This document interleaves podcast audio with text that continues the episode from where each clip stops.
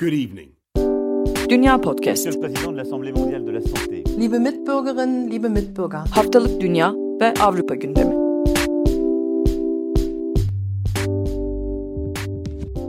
Herkese merhaba. Dünya Podcast'in yeni bölümüne hoş geldiniz. Ben Akın Art. Bu hafta sizlerle Seda Karatabanoğlu ile birlikte Ukrayna sınırında Ukrayna, Rusya ve Avrupa Birliği arasında yaşanan gerilimi konuşacağız. Bu gerilimi büyük oranda Almanya ve Fransa'daki yansımaları üzerinden konuşacağız. Çünkü Almanya ve Fransa arasında bir miktar ton farklılıklarından da söz etmek mümkün. Avrupa Birliği'nin belki de en kuvvetli iki ülkesi olarak tanımlayabileceğimiz bu iki ülkeye bakarak bu krizi konuşmanın krizin derinliğine dair bir boyut kazandıracağını düşündüğümüzden böyle bir tema seçtik bu ay için. Ee, ilk önce ben sözü Seda'ya vereceğim. Krizin e, background'unu, arka planını bir miktar anlatması ve Fransa'daki yansıtmalarını anlatması için. Sonrasında ben Almanya'ya nasıl yansıdığından ve Almanya'nın özellikle Amerika'dan ve NATO'dan belli noktalarda nasıl farklı bir tavır ya da farklı bir söylem en azından inşa ettiğinden bahsetmeye çalışacağım. Sözü sana vereyim ben Seda. Teşekkürler. Ee, Rusya'nın Ukrayna sınırına asker yığması elbette günler içinde olmadı. Geçtiğimiz Kasım ayında Avrupa Birliği Dış İlişkiler Yüksek Temsilcisi Josef Borrell, e, Rusya'nın Ukrayna sınırına ve Rusya'nın işgali altındaki Kırım'a 150 bin asker yığdığını iddia etmişti ve bölgedeki gerilimin risklerin arttığı uyarısında bulunmuştu. Kısaca böyle başlayan gerilim de günümüze geldiğimizde aslında Rusya Batı ile olan gerilimindeki tansiyonu düşürmek için Batı'dan Ukrayna'nın NATO'ya katılmayacağına dair yazılı bir güvence istiyor. Çünkü hali hazırda Bulgaristan ve Romanya ve tabii ki Türkiye Karadeniz kıyısındaki NATO ülkeleri. Biraz daha genişlersek, genişletirsek e, çerçeveyi Slovakya, Arnavutluk, Karadağ gibi ülkelerde Rusya'nın yakınında olan Balkan ülkeleri NATO üyesi. Kısaca Rusya NATO'nun Ukrayna sınırına dayanmasını istemiyor.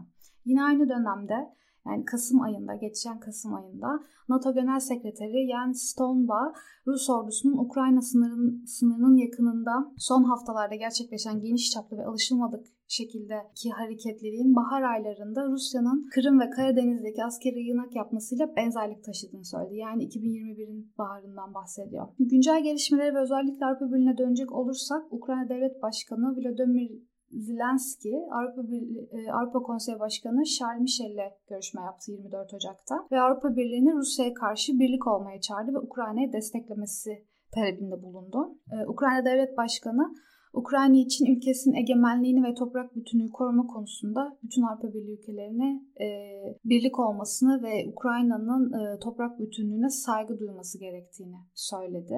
Yine Ukrayna Güvenlik Konseyi Başkanı Oleksiy Danilov ise durumun tamamen kontrol altında olduğunu söyledi. Yani Rusya'nın e, sınırı asker yığmalarının kendileri için şu an için bir tehlike oluşturmadığını söyledi.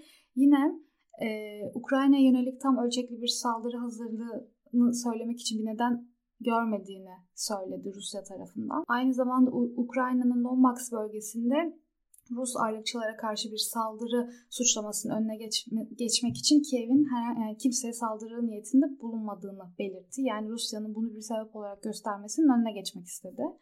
Ukrayna hükümetinin e, batıya dair kızgınlığını aslında Almanya oluşturuyor biraz. Birazdan Akın değinecek. E, Almanya, Almanya ısrarla Ukrayna silah tedarik etmeyi reddediyor. E, ancak Amerika Birleşik Devletleri, Birleşik Krallık ve Baltık ülkeleri Ukrayna'ya silah sevkiyatı yapacağını duyurdu. Aslında Almanya geleneksel olarak 2. Dünya Savaşı'ndan bu yana herhangi bir askeri taahhütte bulunma konusunda isteksiz davranıyor. Bu tür hareketlerin genel olarak gerilim arttıracağını düşünüyor. Avrupa Birliği ile ilgili diğer bir konu ise Rus işgali gündemdeyken Ukrayna'daki Avrupa Birliği Büyükelçilik personellerinin ülkeden ayrılması. ABD ve İngiltere Ukrayna'daki diplomatik personelini çekmek için harekete geçti. Ancak Avrupa Birliği Dış İlişkileri ve Güvenlik Politikası Yüksek Temsilcisi Josef Borrell AB'nin Ukrayna'dan ayrılmak için henüz bir sebep olmadığını söyledi. Buna dair bir tehlike görmediklerini söyledi. Yine Avrupa Birliği e, yetkililerinden e, Avrupa Komisyonu Başkanı Ursula von der Leyen 24 Ocak'ta Ukrayna'ya 1.2 milyar avro tutarında mali yardım yapılacağını duyurdu. Bu finansman önerisinde e, bu finansmanın finansman desteğin ötesinde komisyonun Ukrayna için ülkenin modernizasyon çabalarını desteklemek ve daha uzun vadeli bir mali yardım paketi üzerinde çalıştıklarını yani yakında çalışmaya başlayacaklarını söyledi. Krizin önemli nedenlerinden biri olan NATO'nun e, açıklamalarına gelecek olursak gelişmelere dair Rusya'nın Ukrayna sınırındaki askeri yığınağına yanıt olarak ittifakın doğu kısmındaki e, ülkelere ek e, savaş uçağı ve savaş gemileri göndereceğini söyledi NATO. Bu ek savaş uçağı ve savaş gemilerini göndereceğini söyledi açıklamasının devamında Baltık Denizi bölgesindeki caydırıcı varlığın güçlendirildiğini, Rusya'nın Ukrayna içinde ve çevresinde askeri yığınağın arttığı sırada ittifakın caydırıcılık ve savunma tak, e, savunmayı benimsediğini söyledi. Yine NATO'nun açıklamasında e, Baltık ülkelerinden Danimarka'nın bir fırkateyn gönderdiğini söyledi e, Ukrayna'ya doğru. Ve yine Litvanya'nın 4 F-16 uçağı göndermeye hazırlandığını söyledi. Ayrıca Avrupa Birliği ülkelerinin İspanya ve Bulgaristan'da NATO e, güçleri dahilinde savaş gemileri gönderiyor. Ee, askeri bir merkezde e, katıldığı bir etkinlikte konuşan e, İspanya Savunma Bakanı Margarita Robles birkaç gün içinde NATO e, misyonu kapsamında iki İspanyol savaş gemisinin Karadeniz'de olacağını söyledi. Ayrıca İspanyol yetkililerin NATO'nun Ukrayna olası bir Rus, Rus işgalinden korunmasına yardım etmek için bölgeye savaş uçakları gönderme teklif ettiğini söyledi. Ancak e, so, İspanya'da bir koalisyon var. Sosyalist İşçi Partisi ile e, yine sol görüşlü Unidas Podemos'un bir e, koalisyonu. Koalisyon diğer partisi Unidas Podemos e, bu karara tepki gösterdi. Bu kararı eleştirdi. E, hata olduğunu, bu durumun benzin fiyatlarındaki yükselişe sebep olacağını ve enflasyon yaratacağı konusunda bir uyarıda bulundu. Şimdi Fransa'ya gelirsek e, özel olarak. Fransa 1 Ocak 2020 itibariyle Avrupa Birliği e, Konsey Dönem Başkanlığı'nı yürütecek. E, Avrupa Birliği Dönem Başkanlığı'nı yürüten e, Macron yani Fransa'nın başkanı Macron 19 Ocak çarşamba günü bir açıklamada bulundu. Avrupa'nın Rusya'ya karşı NATO ile yeni bir güvenlik düzeni oluşturmasının şart olduğunu söyledi. Moskova ile açık ve talepkar bir diyalog içinde olması gerektiğini söyledi. Avrupa kıtasının e, güvenliği için özellikle Rusya ile diyalogta kalmak bir barış ve denge gücü e, olarak stratejik davranmamız gerekiyor dedi. Macron yine Rus, Rusya ile olan gerilimde göç hareketlerinin manipüle edildiğini, siber saldırıları ve benzin fiyatındaki artışları yaşandığını söyledi ki Rusya zaten siber alanda oldukça güçlü bir devlet. Bu sebeple e, Batı bloğu olarak kolektif e, hareket etmek gerektiği görüşünü savunuyor Macron. Yine e, gelişmeler çerçevesinde Macron Avrupa'nın Rusya ile olan ilişkisini şu şekilde tarif ediyor. E, kuvvet, tehdit, zorlama e, kullanımının reddedilmesi, devletlerin kendi seçtikleri örgütlere, ittifaklara, güvenlik düzenlemelerine katılma konusunda özgür seçim hakkı olması, sınırlarının dokunulmazlığı ve devletlerin toprak, toprak bütünlüğünün korunması olarak e, tarif ediyor Avrupa Birliği ve Rusya arasındaki ilişkiyi. Aslında burada devletlerin kendi seçtikleri örgütlere ve ittifaklara e, özgürce katılması, özgürce seçim hakkının olması yine de Ukrayna'nın NATO üyesi olu NATO üyeliğine dair bir atıfta bulunduğunu akıllara getiriyor. Bu değerlendirmelere yol açıyor. Fransa gerilimin başında NATO komutası e, altına görev yapmak üzere Romanya asker göndermeye hazır olduğunu belirtmişti zaten en başta. 25 e, Ocak'ta Berlin'de e, Almanya Başbakanı Olaf Scholz ve Macron bir araya geldi. Görüşmeden sonra yaptıkları basın toplantısında Macron az önce söylediğim uyumlu ve diyaloğa açık sözlerini yalanlar bir şekilde e, Rusya'ya karşı eğer Ukrayna'ya bir saldırı olursa misilleme de olacaktır. Rusya için bedeli çok ağır olacaktır ifadesini kullandı. Almanya ve Fransa'nın Rusya ve Ukrayna gerginliği konusunda uyum için hareket ettiğini söyledi. E, bu bölgedeki tansiyon düşürülmesi için e, çağrıda bulundu. Saldırı halinde verilecek ortak tepki ve karşılık için paralel olarak hazırlanıyoruz dedi ve batılı güçler olarak tamamen birlik içindeyiz mesajını verdi. Dediğim gibi Macron bu sert çıkışından bir gün önce Rusya ile güçlendirilmiş diyalog sayesinde gerilimi azaltmak istediğinden söz etmişti. E, aslında Macron'un Fransa içindeki siyaset dair de böyle tutarsız çıkışları var son zamanlarda. Çözüme dair atılacak adımlara bakarsak e, Macron özel, temsilcisi Pierre Vimon e, Kremlin'e görüşme başlatmak için 25 Ocak Salı günü Moskova'ya gitti. 28 Ocak Cuma günü Macron ve e, Rus mevkidaşı Putin arasında bir telefon görüşmesi yapılması bekleniyor. Yine bu temasa ek olarak 26 Ocak Çarşamba günü Almanya, Fransa, Ukrayna ve Rusya devlet başkanlarının diplomatik e, danışmanları bir araya gelecek ve Norman, Normandiya formatı üzerine çalışmaya başlayacak. Aynı zamanda heyetin Ukrayna'nın doğusundaki ihtilaf çözme amacıyla yeni bir tür görüşme başlatılacağını da e, sinyalini verdi. E, son olarak Normandiya formatından bir iki kelimeyle bahsetmek gerekirse e, Norman, Normandiya formatı adı verilen müzakere süreci ilk kez Minsk Anlaşması çerçevesinde 2015 yılında Almanya, Ukrayna, Rusya, Almanya, Ukrayna, e, ve Rusya arasındaki görüşmelerle başlamıştı. Bunun üzerine yine e, Rusya ve Ukrayna arasındaki Donbas bölgesindeki gerilimi e, düşürme ve çözüme kavuşturma niyetiyle başlamıştı diyeyim ve e, Almanya'yı dinlemek üzere Akın'a sözü vereyim. Tabii yani ben de Almanya'ya yansımasından bir miktar bahsedeyim. Şimdi bu kriz aslında yeni bir kriz değil hepimizin bildiği gibi. 2005'ten beri var olan bir kriz, 2014'ten beri bizim yoğun olarak, daha yoğun olarak konuştuğumuz bir kriz. Ve bu krizin nasıl ortaya çıktığı, na dair yorumlarda genel olarak değişiyor. Önce bunu söyleyerek başlayalım. Yani biz belli bir perspektiften okuyor olabiliriz. Yani medyanın bir kısmı bir türlü anlatıyor, bir kısmı başka bir türlü anlatıyor. Bir kısmına göre NATO'nun doğuya doğru genişlemesine direnen, buna direnç gösteren bir Rusya var ve buradan çıkan bir gerilim var. Bir tarafa göre de Rusya'nın batıya doğru hegemonyasını arttırma, işte post-Sovyet coğrafyasında otoriter eğilimler gösterme ve buna karşılık direnç gösteren ülkelere karşı da işgalci bir pozisyon izleme gibi bir stratejisi var. Şimdi biz ne ne değildir bu program özelinde buna girmeyeceğiz. Fakat meselenin karmaşık bir mesele olduğunu anlamak açısından bu perspektif farkını göstererek başlamanın doğru olduğu kanaatindeyim. Ve özellikle Dediğim gibi mesele farklı açılardan okunabilecek bir uluslararası ilişkiler gelişmesi. Birincisi bu. İkincisi Almanya'nın Rusya ile zaten çok uzun bir tarihi var.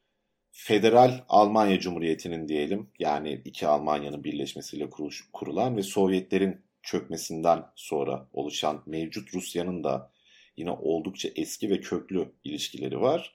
Bu ilişkilerin temelinde Sovyetler Birliği çöktüğünden beri Almanya'nın Rusya'yı ciddi bir pazar olarak da görmesi ve bir e, yeri geldiğinde partner olarak da görebilme ihtimalini gözetmesi rol oynuyor. Rusya açısından da elbette enerji sektöründe önemli bir e, pazar olarak görüyor Almanya'yı ve bak, baktığımız zaman gerçekten Almanya'nın enerji ihtiyacının çok önemli bir kısmını hatta çoğunlukla özellikle bu yeni dönemde çoğunluğunu oluşturacak şekilde enerji portföyünde Rusya'dan gelen doğalgazın oluşturduğunu görüyoruz. Şimdi bunları şu yüzden anlattım.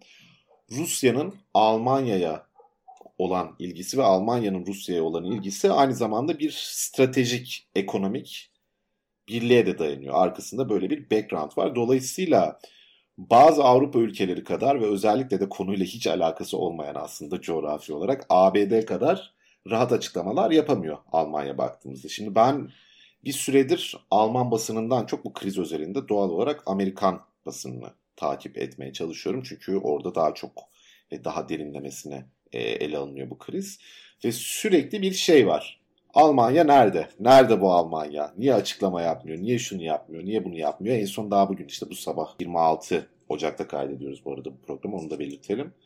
New York Times'a bakarken benzer bir açıklama vardı. İşte yeni Alman hükümetinin en önemli sınavında, ilk sınavında başarısız olduğuna dair bu krizde varlık göstermeyerek. Fakat kriz ne kadar Almanya'nın krizi, ne kadar Amerika'nın krizi, ne kadar NATO'nun krizi bu tabii bir tartışma konusu. Şimdi Almanya içindeki siyasi aktörleri buradan gelmeye çalışalım. Ee, Alman hükümetinde bildiğiniz gibi üçlü bir koalisyon var. Şu an liberallerden, yeşillerden ve sosyal demokratlardan oluşan. Ve bu partilerin hem Rusya'ya hem de genel olarak uluslararası ilişkiler paradigmasına diyelim tavırları değişebiliyor. Örneğin Yeşillerin, Yeşiller içinde de bir sürü kanat vesaire var ama Yeşillerin genel olarak Rusya'ya ve hatta Kuzey Akım 2 projesine daha mesafeli bir parti olduğunu söylemek mümkün. SPD'nin tarihine baktığımızda Rusya ile ilişkiler konusunda daha ılımlı bir geçmişe, mirasa sahip olduğunu, bu kriz özelinde de daha pragmatik hareket etmeye eğilimli ciddi bir kanat olduğunu, yine burada da görüşler değişebiliyor ama söyleyebiliriz. FTP baktığımızda da daha çok ticaret vesaire üzerinden düşünse de işte daha e, Avrupa ölçeğinde vesaire düşündükleri için başka bir bakış açısından söz etmek mümkün. Şimdi bunun yanı sıra bir de Alman devleti var ve bunun bir takım kurumlarında yerleşik bazı algılar var. Almanya açısından en şok edici gelişmelerden bir tanesi yakın zamanda Alman Deniz Kuvvetleri Komutanı Schönbach'ın yaptığı bir açıklama oldu. Schönbach yaptığı açıklamada Rusya'nın Ukrayna'yı işgal etme ihtimalinin bunun dillendirilmesinin bir saçmalık olduğunu aynen bu şekilde söyledi ve Putin'in saygıyı hak ettiğinden bahsetti. Almanya zaten bu krize müdahil olmamakla ve batılı müttefiklerini yalnız bırakmakla suçlanıyordu. Bir de Deniz Kuvvetleri Komutanı'ndan elbette böyle bir açıklama gelince bu ciddi bir skandal yarattı ve Schönbach bunun üzerine istifa etmek zorunda kaldı. E, Schönbach'ın yarattığı infialden sonra elbette tartışmalar da hararetlenmeye başladı. Genel olarak Almanya'da birden fazla yaptırım ihtimalinden bahsediliyor. Farklı aktörler bunları dile getiriliyor. Bir kesim diyelim Kuzey Akım 2 projesinin dondurulması da dahil olmak üzere her türlü ihtimalin gözden geçirilmesi gerektiği kanaatinde ki bu bence çok daha mümkün bir senaryo değil. Bir baskı aracı olarak, bir diplomatik baskı aracı olarak bunun dillendirilmesi elbette anlaşılabilir bir şey stratejik olarak ama işlerin o noktaya gelmesini ben kendi adıma oldukça zor görüyorum. Fakat Olaf Scholz'un e, bir saldırı durumunda Ukrayna'ya her türlü ihtimalin değerlendirilebileceğine dair açıklamaları oldu. Bunu da belirteyim. Fakat bu açıklamalar hiçbir şekilde somutlaştırılmadı. Onu da belirteyim. Bu da Alman politikasında özellikle Olaf Scholz'un e, söylemlerinde çok sık gördüğümüz bir şey. Şimdi bunların yanı sıra Ukrayna'ya silah yardımı uzun süredir tartışılıyor. Seda da bahsetti zaten programı açarken. Almanya bu konuda temkinli durmayı tercih ediyor. Hem İkinci Dünya Savaşı'ndan gelen e, bir takım bagajlardan dolayı hem de bu krize bu şekilde müdahil olmanın kendileri açısından da tehlikeli olabileceğini düşündükleri için Rusya ile mevcut ilişkilerinden dolayı. Ukrayna'da saha da biraz karışık yani takip edenlerin bileceği gibi Rusya karşıtı kesimlerin bir kısmının içinde Nazi gruplarında bulunduğu şunların bunların yani bir sürü grubun ve kestirilemez nereye gideceği bile, bilinemez bir kaosun oluşma ihtimalini içeren bir sürü grubun çatışmasını da bulunduruyor buradaki durum. Bu da düşünüldüğünde aslında bu sahanın ne kadar tehlikeli olduğu düşünüldüğünde Almanya'nın hem stratejik sebeplerle tabii ki birinci sebebi bu yani hani bir etik kaygıdan değil hem de bu krize müdahale olmamasının böyle bir taraftan da kendince anlaşılabilir olduğunu belki düşünmek mümkün. Bir diğer konu e, enerji meselesi. Dediğim gibi yaptırımların bir kısmının bunu da içermesi söz konusu. ABD bu noktada Avrupa'nın bir enerji krizi içerisine düşmesi durumunda enerji yardımında bulunabileceğini belli partnerler aracılığıyla söyledi. Böyle bir açıklaması oldu en son dün e, yapılan bir açıklamada. Fakat bunun nasıl olacağı işte Suudi Arabistan'dan mı şuradan mı buradan mı buna dair bir detay yok. Bunun ne boyutta sürdürülebilir olduğuna dair de bir açıklama yok. ABD tarafından yapılan açıklamalara baktığımızda sürekli Avrupa'daki batılı partnerlerini NATO'yu ki Biden iktidara geldiğinde zaten NATO'yu ayağa kaldırmaktan işte ABD'nin geri döneceğinden vesaire bahsediyordu. Batılı partnerlerini cepheye doğru gitmeleri konusunda teşvik etmekten geri durmuyor. Fakat bu Avrupalı partnerlerin bir kısmı tarafından özellikle de Almanya tarafından çok da istenen bir şey değil. Çünkü böyle bir kriz durumunda bunun acısını ABD'den çok Almanya başta olmak üzere Avrupa Birliği çekecek. Ee, Avrupa Birliği fakat buna rağmen Avrupa'yı bir bütün olarak tutmak ve bir arada kalmak zorunda olduğu için ve Rusya'yı da elbette dengelemek zorunda olduğu için sonuçta zıt kutupları oluşturuyorlar o coğrafyada özneler olarak. Ee, bir takım önlemler ve bir takım bir arada durma çalışmaları yapıyor. Seda toplantılardan bahsetti zaten. Ben bir ek olarak e, Ursula von der Leyen'ın önerdiği e, mali yardımdan da söz edeyim. Elbette bu mali yardım şu an henüz bir öneri boyutunda parlamentodan geçtiği takdirde ve konseyden geçtiği takdirde uygulanması mümkün olacak. Fakat böyle bir öneri olduğunu da belirteyim. Fakat Almanya'nın özellikle silah yardımı konusunda çok katı bir tavrı olduğunu yani kendi silah yardımında bulunmamaya geçtim. Örneğin Estonya'nın Alman silahlarını e, Ukrayna'ya vermesi konusunda da baskılayıcı, bunun olmasını engelleyici bir tutumu olduğunu belirteyim. Ve sözü tekrar Seda'ya vereyim. Bir de soru atarak e, şey yapayım. Şimdi şey ilginç hakikaten Macron'un e, Avrupa'nın yeni bir güvenlik konseptine ihtiyacı var vesaire gibi böyle büyük büyük açıklamalar yapmaya başlaması bir anda. Yani ne olacak mesela iki ayda Avrupa ordusu kurup Ukrayna krizine müdahale edebilmeleri gibi bir ihtimal tabii ki söz konusu değil ama şuna getireceğim. Çok fazla inisiyatif aldığını söylem düzeyinde de olsa Macron bu krizde görüyoruz. Bu biraz seçimlerle mi ilgili acaba? Hani buradan bir prestij mi devşirmeye çalışıyor kendine diye ben düşündüm. Sana bir pas atmış olayım böyle. Yani aslında bu Macron için de tehlikeli bir durum. Ee, yani biraz daha başa gelirsek Macron zaten bir Avrupa ordusu e, olması gerektiğini uzun süredir savunuyor.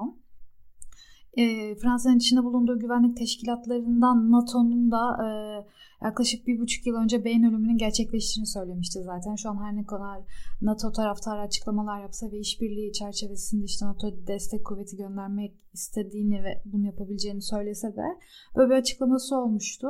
Yine Avrupa ordusu kurulmasına dair e, güçlü ve talepkar e, durumunu biliyoruz. E, Macron henüz e, resmi olarak adaylığını açıklamadı ve Nisan'ın e, ortasında ilk tur seçimler var. Ve aslında Macron ülke içinde de çok agresif bir siyaset izliyor.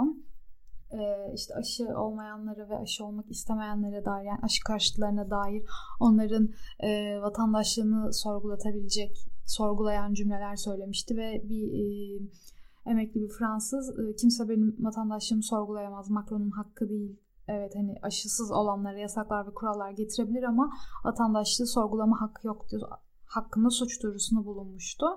Aslında Macron evet yani e, söz söyleyebilecek bir alan gördüğünde orada agresif olmayı tercih ediyor şu an.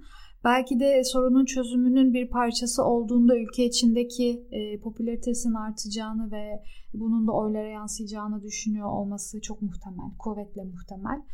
E, dediğim gibi yani çok kısa bir süre içinde Avrupa ordusu kurulup ve Macron buna liderlik edip e, sorunun çözüme kavuşturamayacak elbette en azından seçime kadar, Nisan'a kadar. E, ama Macron'dan böyle e, uç hareketler ve tutarsız hareketler daha görmeye devam edeceğiz gibi düşünüyorum. Benim açıkçası eklemek istediğim başka bir şey yok bu konuda. Senin var mıdır? Benim de yok. Ee, Şubat ayındaki programla e, tekrar dinleyicilerimize döneceğiz diyelim ve kapatalım. O zaman görüşmek üzere. Hoşçakalın. Görüşmek üzere. Good evening. Dünya Podcast. Monsieur le Président de l'Assemblée mondiale de la santé. Liebe Mitbürgerinnen, liebe Mitbürger. Haftalık Dünya ve Avrupa gündemi.